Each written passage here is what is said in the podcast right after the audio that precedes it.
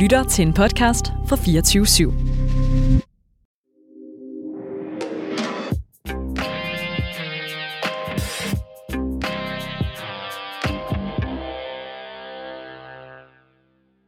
Hej med jer, alle lyttere, og velkommen til denne uges udgave af Musik på 24 Et program, hvor vi hylder musikken. Både de aktuelle, nye, ældre og undergrunden i både dansk og internationalt musik. Mit navn det er Stine Omega, og jeg er jeres vært den næste times tid, når jeg tager jer lyttere med ud i musikkens magiske og fantastiske verden. Velkommen til Musik på 24 /7.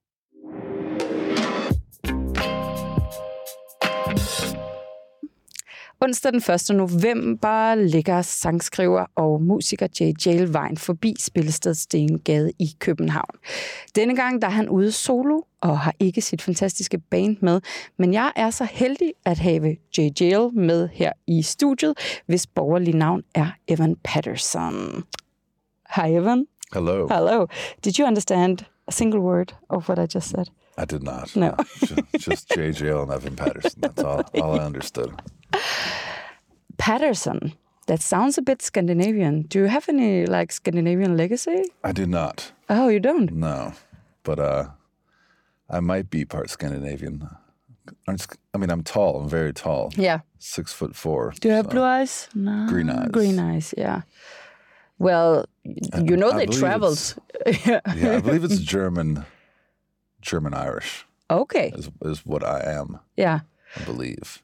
I, I remember when I first got to know your music, I thought that there might be some Scandinavian because of the, Of the sound, yeah. And I was like, well, then maybe we're close, even closer.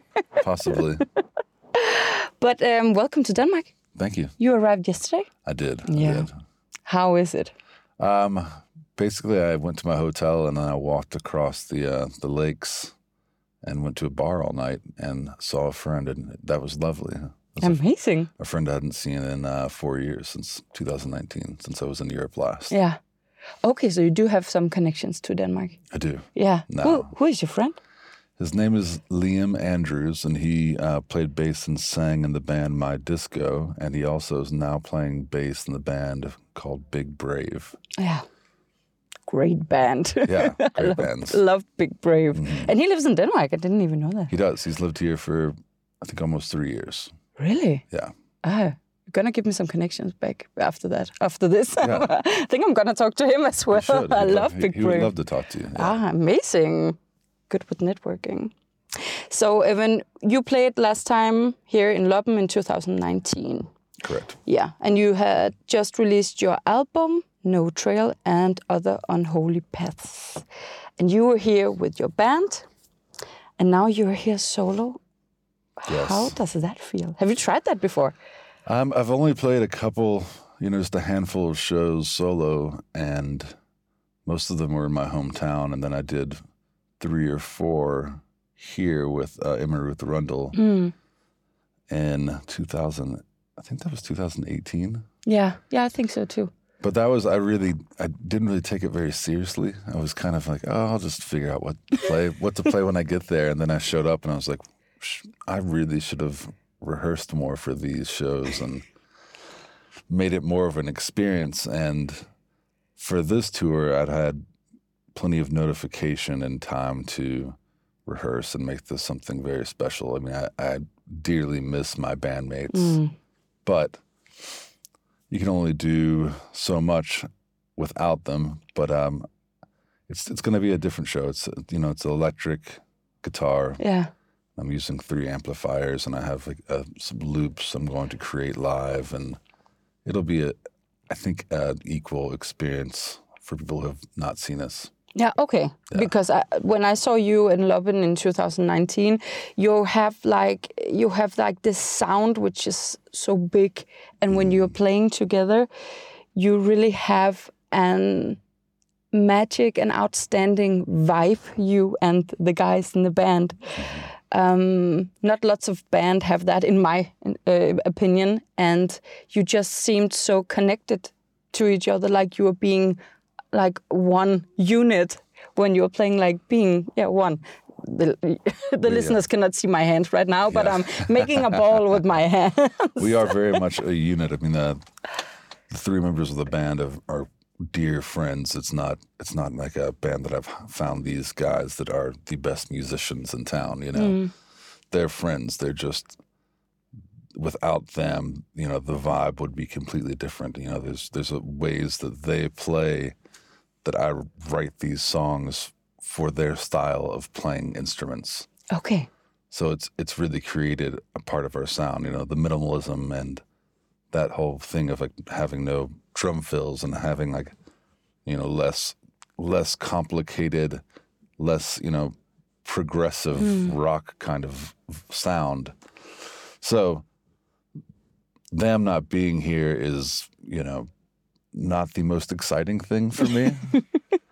you know, I, I, I, do wish they could have came over with me, but the the opportunity to do this tour on my own, I couldn't really pass it up. So no, and, and you you will learn a new thing. Yeah. Right. By the end of the there's 24 shows in 25 days, and by the end of that, I'll be I'll be really good at playing solo. then you will just uh, go home to the guys and say, you know what, I can just do this. Exactly. Just give me some a loop pedal and then we, I'll work it out. Next record, I don't need you. I'm sorry. but you do. can you take me back to when did it all start? When did did Jaye Jayle start? When do did you meet the, these guys? Well, it's it's funny because they, weren't in the band originally. Originally, the the whole project started as I was in Santa Fe, New Mexico, visiting a, a partner at the time, and she had a broken parlor guitar, acoustic guitar, sitting around the house, and I restrung the guitar and got it working and playing, and then I was just was like, I'm gonna write a song a day just to have like something creative going on in yeah. my life, and I wrote these songs, and I wrote the song "Pull Me Back to Hell," which is, you know, like the song that I was like, okay, I guess I'm starting a new band. and I recorded all the songs with um, different people, different musicians. Then I, I, kept on doing like I would, do imp- improvisational yeah. kind of shows where I'd play the songs, but I'd ask random musicians if they'd just come play day of. Okay. I'd be like, "Come, the songs are really simple. Just play whatever you want. It's gonna be great." And they'd show up and be like, "That this is so much fun." And then next thing you know, I get ended up getting all my best friends in the band, and it's just like, okay, now we're going to go on tour. We're going to make another record. We're you know, all these things started happening, and I never really expected for this musical concept to turn into anything more than fun, random, yeah. like fun. You know, I mean, I I recorded the first eight songs and I released them as like forty five seven inches mm. only, and then you know then the next thing you know it's like well now you're gonna make an album and i'm like okay i have to write a whole album i need a band yeah you know so it's it's gone you know beyond what i could ever have imagined from the beginning to yeah. now and i'd been doing a um, you know a, another band for a very long time called young widows yeah and that band had kind of stopped touring. The other members had kids, like multiple kids, three kids, mm-hmm. couldn't travel. And then this started picking up and I started traveling and, you know, and came to Europe twice in 2019 mm-hmm. and then twice in 2018, I guess. Yeah, because you used to you used to be the backup band for Emma Ruth yes, Yeah. Yeah. Yeah. And that was when we opened for her three times and then came over once on our own. Yeah which was when we played here last. Yeah, it was our own tour. Yeah, yeah, and I was there. It was such a great. It was such a great show. it was. There were like no people there, and it was not your fault at all. It was yeah. because it was in like in the Easter holidays, and it's just every venue is just like there are no people there. But the people who were there was really, really, really touched by your music, and I remember you played uh, one of the. Uh, the oldest songs, uh, uh, Hope, Faith, and Country. Hope, Faith, County. Co county, yeah, sorry. Yeah. Uh, and I was, uh, you were like taking requests. Yeah. And I said that song, and you guys were like, Do you know how to play that? I don't know, let's try it, and then and then you did it perfectly. I think it was actually one of the greatest uh, shows that I have ever seen. Well, thank you so much. Sometimes the, the small ones are also the most intimate ones, and I feel the same way. Yeah. I don't. I don't really want to see. It's. It's odd. I'm not really a fan of being in a room with thousands of people. And my favorite shows throughout my life have been to, you know, honestly, from like 10 people to 150. yeah, And you get to really experience like the personality of the band and connect with the show so much more than mm. at a festival or in a big sold out venue. And, you know, it's, it's, it's something to me. I, I've never really minded playing to a, f- a small crowd no, because I know how important those shows have been in my life. yeah. but now you're also gonna go on tour with uh, Dallas Green, City and Colour. Used to play in Alexisonfire as well, and he is like a big one now. Oh yeah, So yeah. We were playing to two to three thousand people a night in the states in these beautiful historic theaters, and honestly, I mean that was the most fantastic time I've ever had touring in my entire life. And, yeah, and he's one of the kindest people I've met in this whole music business world. Just overly appreciative and kind, and their entire crew was, you know, it was something I'd, you know, literally had never experienced mm. with anyone.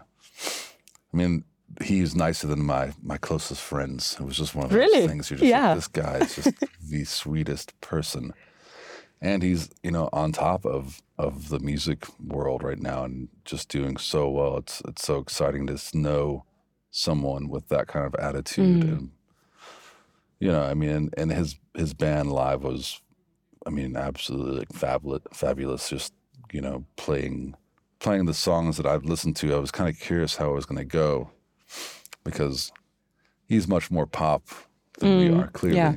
and um, live it was just such a soulful magical performance that his band would put on you know it, it was really made our set before them it kind of had a really nice flow Yeah. into one another yeah. When I saw you were playing with him, I was like, "Please come to Denmark." Then I was like, "That was well hopefully we do some more tours with them they've uh, they've threatened to take us on tour again so well." Then you should come by Denmark again. So, um, yeah, let me see. Let me pick up here. Whoop, whoop, whoop. Sorry, sorry. So, last time you were here, in 2019, you made your uh, recent album in 2018, and earlier this year you you came out with a new record. i did 2018 to 2023. Well i released another record in between that Yeah, you did. You actually did Yeah. lots of things in Yeah. between that. i released a, a record that i made on my phone while i was on tour Oh, It was all created on uh, the GarageBand app on my iPhone. how did that happen? It was just, it was kind of random. I was making songs. A friend of mine asked me to make a score for her fashion show. So I was making the the music on my phone because I was on tour all the time. and I, I really just didn't have any time to do anything else creatively, and started doing that. And then working with uh, Ben Chisholm from Chelsea Wolfe, Yeah. and him and I now he's he's like the secret fifth member of the band, and you know he worked on that the album Prison with me, and Yeah. it was it was really a a situation I never thought I would be making music on my phone that I even remotely liked and thought was going to be presentable. so I'd make these songs, and I I was working with him for this score for the fashion show, and I sent him the song, and he said we should just make an album. That's all songs you make on your phone. He's like, this is awesome, you know. And then next thing you know, three or four months later, I had 12 songs. And, you know, he was touring a lot as well and very busy. So within the next, I had it complete by the end of 2019. And then he finished all his mixing and editing and additional instrumentation. And, and he didn't use any real instruments hmm. either. It was the whole thing was, there was no real instruments. It was all just digital instruments. And I honestly didn't think I was going to sing on the record. And I had been writing, also like writing poems and lyrics while on Yeah. tour. And I just printed out, you know, probably 40 different little writings I'd made. And this is all stuff I'm doing on my phone. I'm mm. just, and I took all of those lyrics and poems to the studio and just kind of would try one out and be like, no, not this one. Try one out. No, not this one. Try one out. And then all of a sudden it was like, I just sang on the record by just going through all of these, you know, words that I had written down. It was, it was a really different process. You just combined the words. Yeah. Yeah. There was no like bigger meaning behind them. Yeah. Yeah. Yeah. And, uh, and a lot of those words were about touring. Mm. And some of the songs are about like a time I had in Berlin. Some songs are t- like time I had in Paris. And it was a really, it was a really fun record to make. But how are you? How do you write your lyrics in general, Evan? Because, of course, there's always my interpretation of your things. But I sometimes get the feeling that some of your lyrics are really personal, and then some of them aren't, or just like uh, you know stories. You know, how do you write? What are you inspired by? It's just it really depends, you know. Um, a lot of times in my in my past, most of the songs have been based around my relationships, or they're kind of more uh, based around my mental health and you know emotional health and Yeah. concepts, kind of more about you know my my inner workings of of my own brain and how they work in any kind of codependent relationship or how to how to survive you know Yeah. and um, then other songs will just be something will just kind of hit of of you know a, of a story to me that I find entertaining or concepts of of words that just sound really great together hmm. you know? It's you know or someone will say something to me of like you know the song cemetery rain that song was written because my friend was like i've just been walking around Yeah. crying in the cemetery. And i was like what do you mean? And he's like just been so depressed i just like go walk around and cry in the cemetery i'm just like okay um you know and then i talked to him more about it and then the concept of walking around crying in a cemetery just sounded like that's that should be a song Yeah. so it turned it into a song. Yeah. But it's it's all very random. I don't have a particular way that I, I make music, so I think that keeps it interesting. I think if I think if it was more uh, of a normal process every time of uh, everything starts with a guitar part, everything then the vocals, or, or I write you know the lyrics first or a vocal melody. It's it's it's very when it just hits, you know. Mm. I mean, every now and then I have to.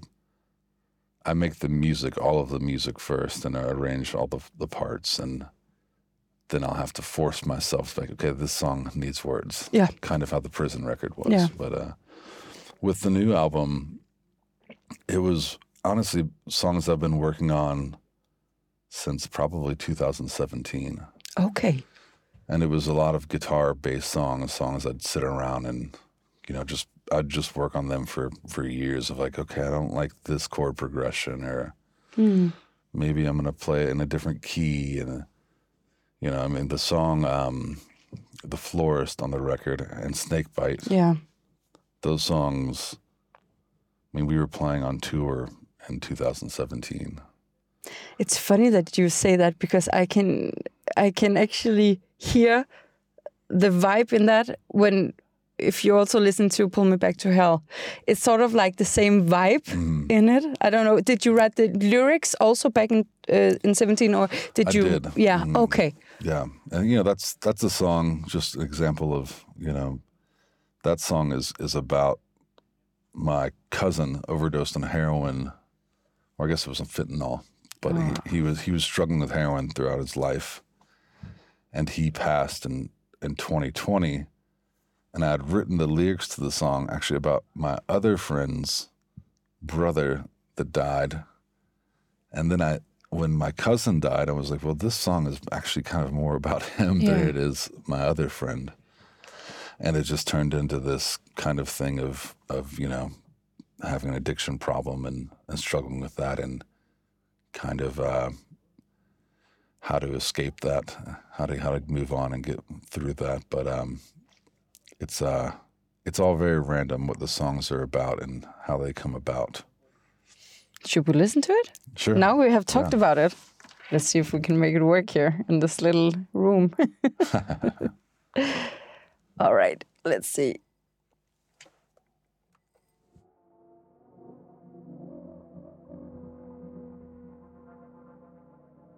Poison teeth, you sink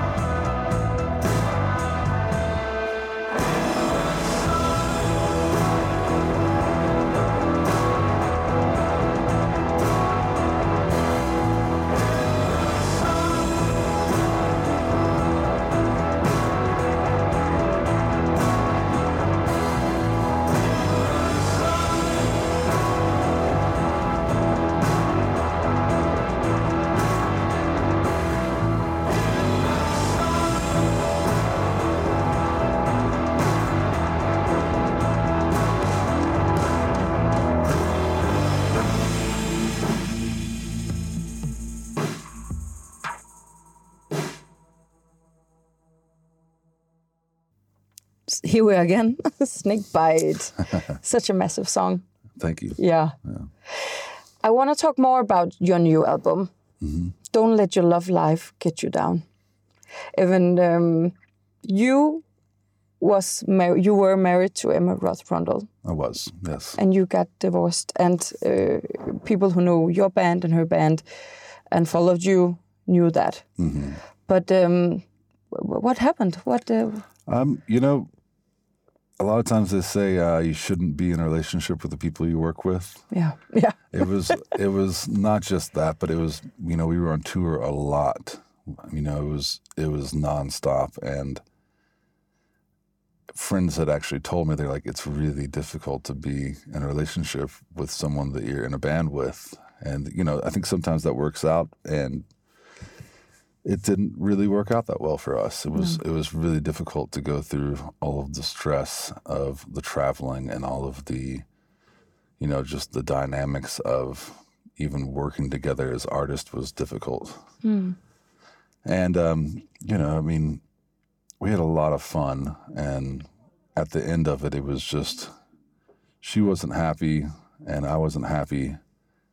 And I, you know, I, I basically said, like, well, I, you know, I got married to you because I wanted to make you happy yeah, and whatever that may be that you think is going to make you the happiest, I want to try to get you there. And it hmm. doesn't have to be with me.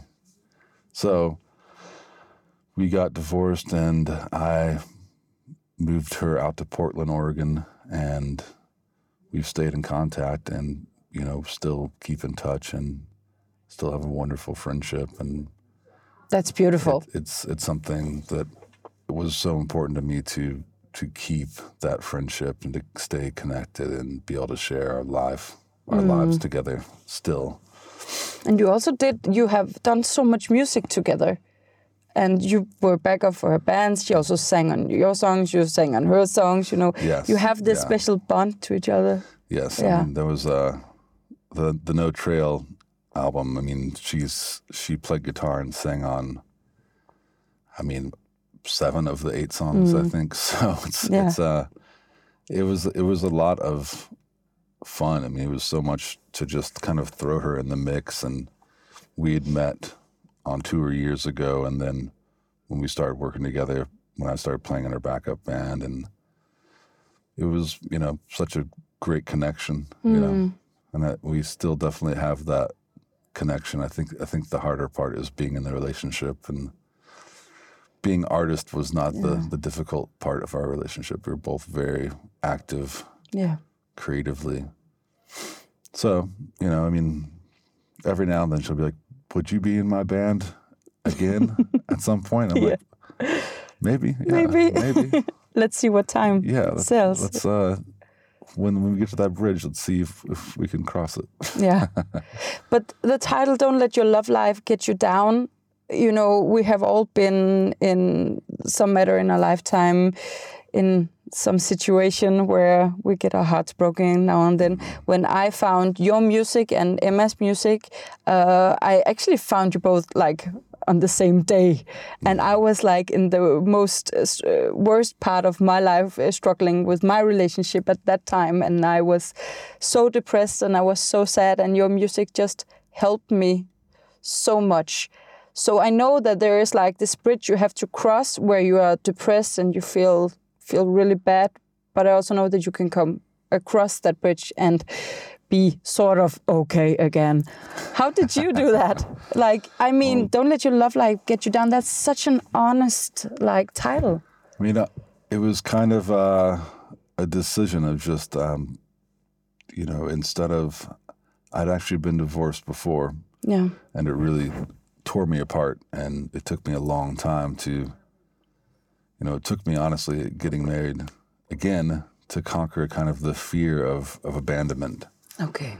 and then when it was coming around again, it was like, okay, I'm gonna get divorced again. and I, I just I had no other option than to make the best out of it instead of wallowing and feeling bad for myself. Hmm. You know, I just couldn't I couldn't do it. One more time. Yeah. Yeah. It, it's just it was honestly looking back, when I was feeling depressed and I was feeling the ways from the first divorce, it, it was, I mean, it was a waste of time Yeah. and energy. And this was, you know, I was like, I have to come out of this ahead and feel feel good and and not get knocked off my tracks of, of where I'm what I'm doing with my life and where I'm going and and it worked. You know, I also did. I don't. I don't talk about this very often, but um, I ate mushrooms for eight months straight, and every day I ate a little bit of mushrooms, the psychedelic ones, Yeah. and it was a thing of when the mushrooms would kick in a little bit, and I would start to have like that anxiety. Mm. I would just kind of conquer that anxiety every time it happened. I'd be like, okay, I'm going to be fine, you know, no matter where, what situation I was in. And I, I wasn't, it was microdosing, but I think it was a little more than microdosing.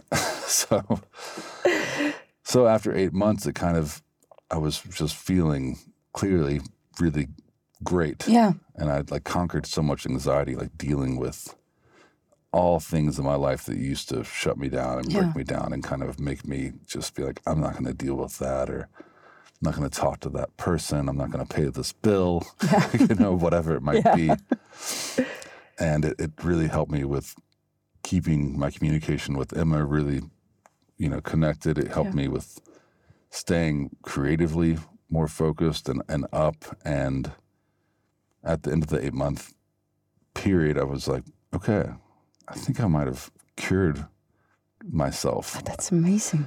I, I just didn't, you know, I I used to have a, a lot of depression, you know, Yeah. just into a vortex of confusion and delusion and emotions. And since then, I have not once felt like how I used to feel. So When you were struggling with depression back then, did you eat lots of medication? I never took medication. So you did the shrooms instead? Yes. Yeah. Yeah. I will always vouch for the shrooms. For, for shrooms. Yeah. Yeah. And you Yeah. know, and it was it, it really was a it wasn't a party experience for me. It, No. it, was it was about Working yourself. yeah, it was about kind of reconnecting and, you know, passing up those depressive anxiety emotions and, Mm. and kind of moving forward and, and not, you know, being stuck in those holes. But Evan, not everybody can do that. You need, I think, you need to be some kind of like an reflected person. You have to look inside yourself to to use Well, that as a tool and I- make it I work. th- I, think it helped because I was recreationally taking a lot of mushrooms before then. Yeah. You know, so you- so so you know, I mean, there was many times I was I was just you know going for the full psychedelic experience and had been doing that for a decade or so. Mm. So I, I knew what to expect at the peak of the drug and how to control it myself Yeah.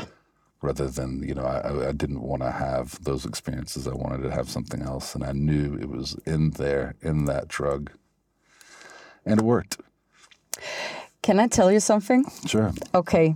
Um, the song "Party," the Party of Redemption. hmm Sometimes, also because I'm from another country, uh, you can get those mi- misheard lyrics. hmm And when I think we're going to listen to the song in, in, in, in just a bit, but I have to tell you something that I actually got a bit embarrassed about because I misheard your lyrics, and I don't know why, but it is i've done that plenty of times yeah So when you are singing uh, something about not to nothing to waste or something, I thought that you were singing eating mushroom waste. And then I was like, but that doesn't make sense. So I had to look up your lyrics. Yeah. But I felt that shroom well thing. yeah i was probably on mushrooms when when i was singing that I, I, you know, for I- so I- long, eating mushroom r- waste. That was what I thought you were singing. i would never I, I don't think i would ever actually sing about mushrooms in a song no, so yeah but you said ain't much to waste. Yeah. exactly Yeah. yeah but I wanted to be rooms. that's great But let's um, maybe we should hear Party of Redemption because I have some questions for you Okay. for that song. Should we roll it? yes Let's do it.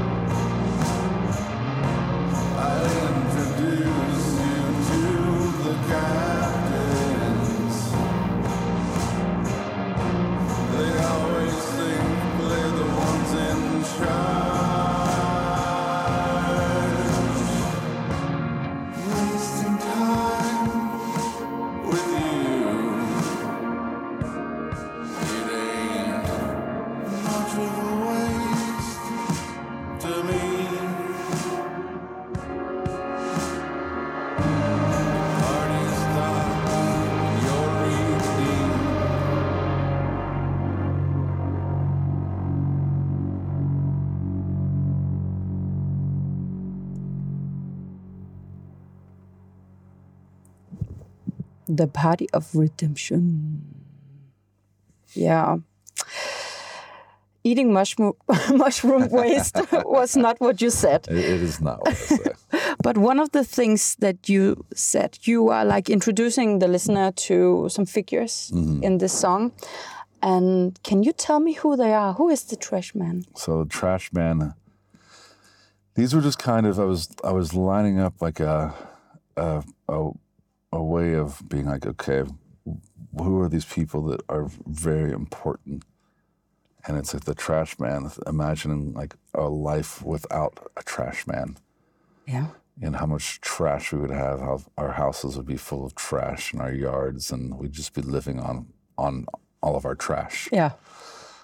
So the trash man, he's very important, and um, you know all of the things he's taking out. The like things. I had this image of uh, the trash man just kind of taking away a burnt down house or something. or, Okay. Yeah. you know, or, or all the things like that a family has lost or that a person has lost, and he's you know filling the lands with broken hearts, and then you get introduced to the spaceman, and um, the spaceman is, is finally figured out that we can take all of our trash in the in the world and take it to to Mars.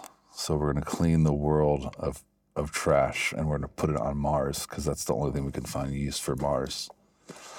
Which probably will happen one day. Fuck. just we're just gonna put it somewhere else. That's fine. Yeah.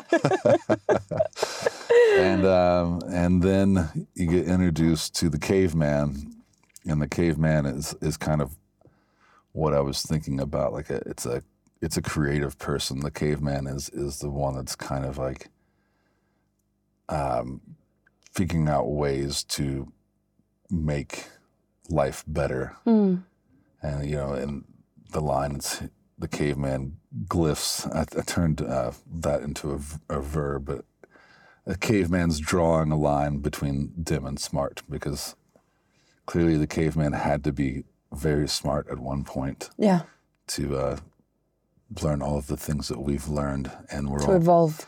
yes Yeah. to evolve, and um, we all I think have a bit of the caveman in us still.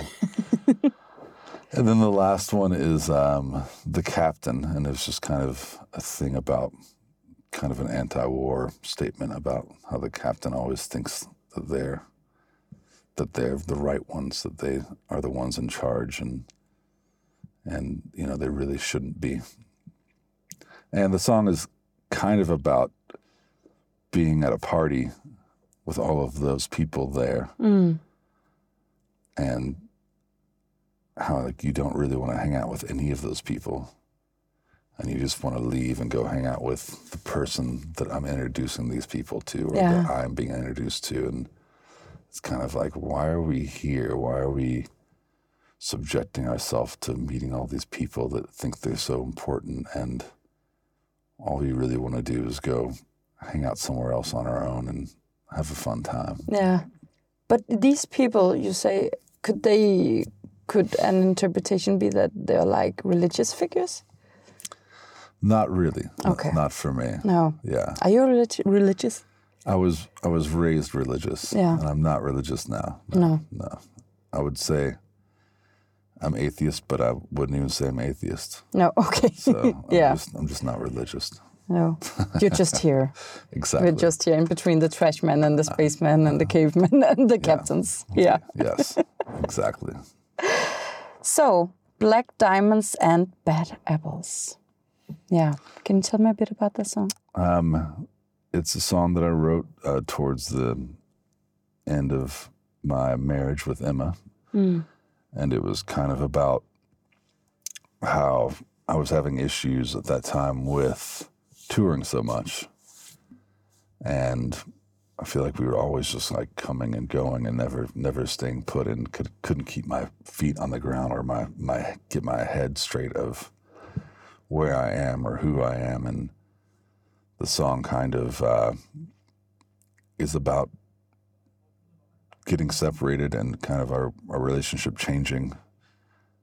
And how I, I didn't want to, uh, you know, I could go through and uh, break down what all of the lyrics mean, but it's it's about us kind of partying too hard and then about us kind of not knowing what to do besides party at times, and then about not connecting and being in different places and you know just just the uh, depression hitting and all kinds of things in the relationship and tried to fit it all into this little song and say that it's it's not going to be that bad if we aren't together. It's it's going to be okay if it might be even better for, better for us to not be together. You know. So that was uh, that's what the song means.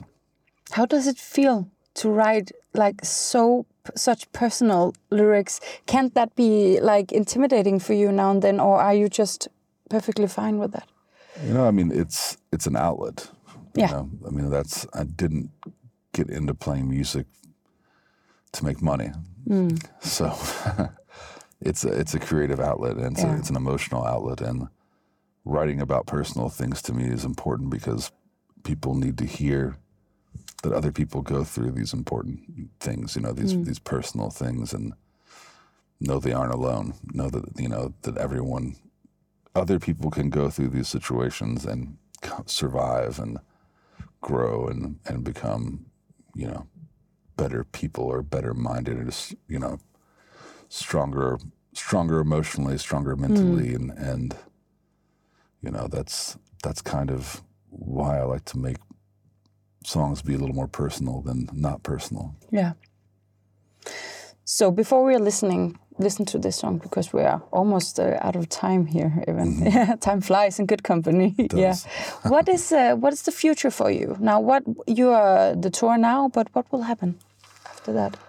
Um, I'm actually uh, going to be a father this this coming February. My uh, my partner, Christy, she's six months pregnant, Yeah. going on seven, and when I get back, I'm going to welcome a, a baby boy into the world. And I have no tour plans at the moment, but we did record um, some songs, and we have we have some songs that we'll probably be releasing in some format. It won't be, it might not be an album, but it might be some some kind of like B sides or EP collection coming out probably next year. And you know, beyond that, just wrapping my head around my heart around being a a father. A new chapter in your life. Mm-hmm. Yeah. Very excited. Maybe a new chapter in the Jaye Jayle lives as well. That's true. Yeah. I'm gonna, teach him to sing right away. Yeah. Get that deep voice right there. I'm a father, you know. nah. Evan Pettersson. Patterson. Patterson. Patterson. Yes. It was so nice to talk to you. Thank you so much for taking your time. Thank you for having me. and I wish you the best concert and uh, looking forward to talk to you again and hear about your little baby boy in the future. Let's do it. Let's do it. And now we are gonna listen to Black Diamonds and Bad Apples.